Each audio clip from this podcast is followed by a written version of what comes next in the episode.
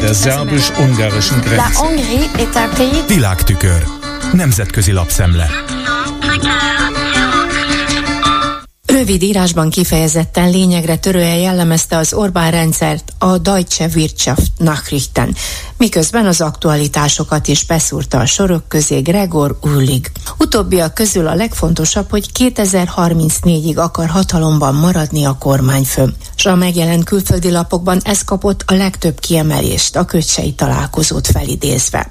És persze a szerző hozzáteszi, hogy ez a bejelentés páratlan, egyedülálló egész Európában, hisz eleve az ötödik terminusát tölti be, és most arra hivatkozott, hogy az ukrán háború és a Covid négy évet vett el tőle. A népszerűségvesztés pedig nem aggasztja, mert korán sem volt olyan nagy mértékű, mint a többi európai kormányok esetében.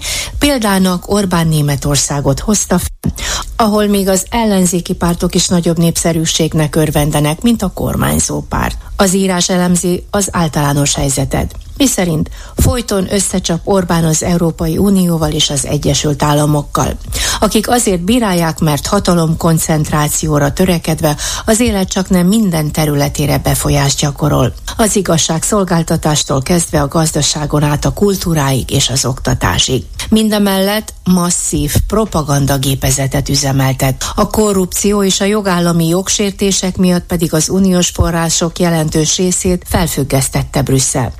Megromlott a kormány kapcsolata az Egyesült Államokkal holott NATO szövetséges. Részben azért, mert nemet mondott a Kínával és Oroszországgal kialakított szoros kapcsolatának megszakítására. S hogy mitől szenved a magyar gazdaság? Az egy éve tartó recessziótól, a munkaerőhiánytól és az orosz energiafüggőségtől. Elemez a szerző. 2010-es győzelmével nacionalistaként, orosz barát vezetőként tért vissza a hatalomba, és az ország addig elért haladását 13 éve folyamatosan fordítja vissza Orbán számára a keleti kultúra az irányodó. Talán meglepőnek tartja a szerző, és ezért kiemeli a köcsei visszhangokból azt is, hogy Orbán a keresztények Magyarországra menekülését vizionálja, mert szerinte Európa a mindenkit fenyegető iszlámosodásnak indult.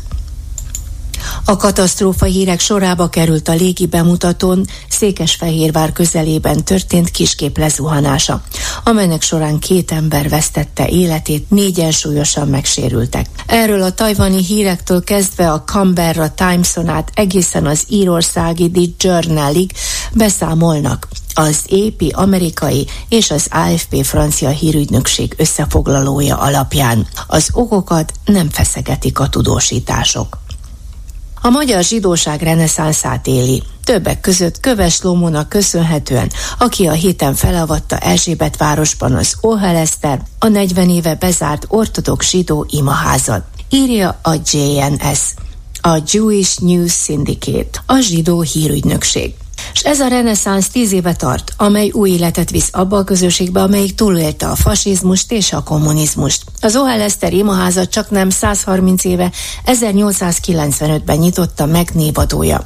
A holokauszt idején a gettó része volt, és már már teljesen feledésbe merült. Az imaház pedig jelképe lett most a magyarországi autonóm ortodox izraelita hitközség, a Maoich és az egységes magyarországi izraelita hitközség, az Emich együttműködésének is. Kapcsolatuk ugyanis a februári választás során azért romlott meg, mert az Emich emberei foglalták el a Maoich kulcspozícióit.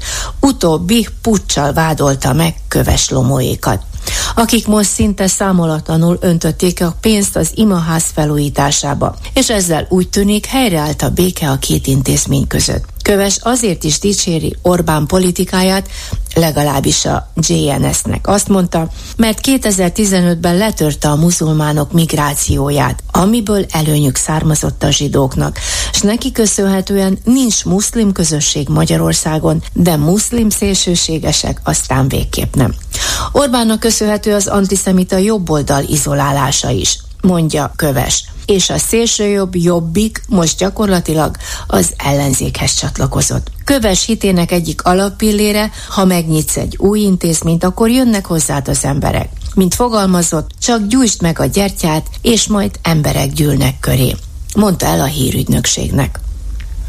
A brit konzervatív Woman a konzervatív nő egyik tudósítója, vasárnap adta közre budapesti élményeit Himnusz a Dunánál címmel. Ugyanis elkápráztatta, hogy az augusztus 20-i tűzijáték befejezéseként keresztény tinédzserek és fiatal szülők lelkes csoportja a gyönyör okozta meghatódottságban, látva István király koronáját felvillanni, spontán elénekelte a himnuszt a Dunaparton. Pedig hát senki nem biztatta őket. Ők így fejezték ki tiszteletüket hazájuk iránt. S bizony ilyet sehol nem láthatsz egész Európában, de Nagy-Britániában egészen biztos nem. Szögezi le a szerző, majd az Orbáni kereszténységet dicséri a látottak értelmezéseként.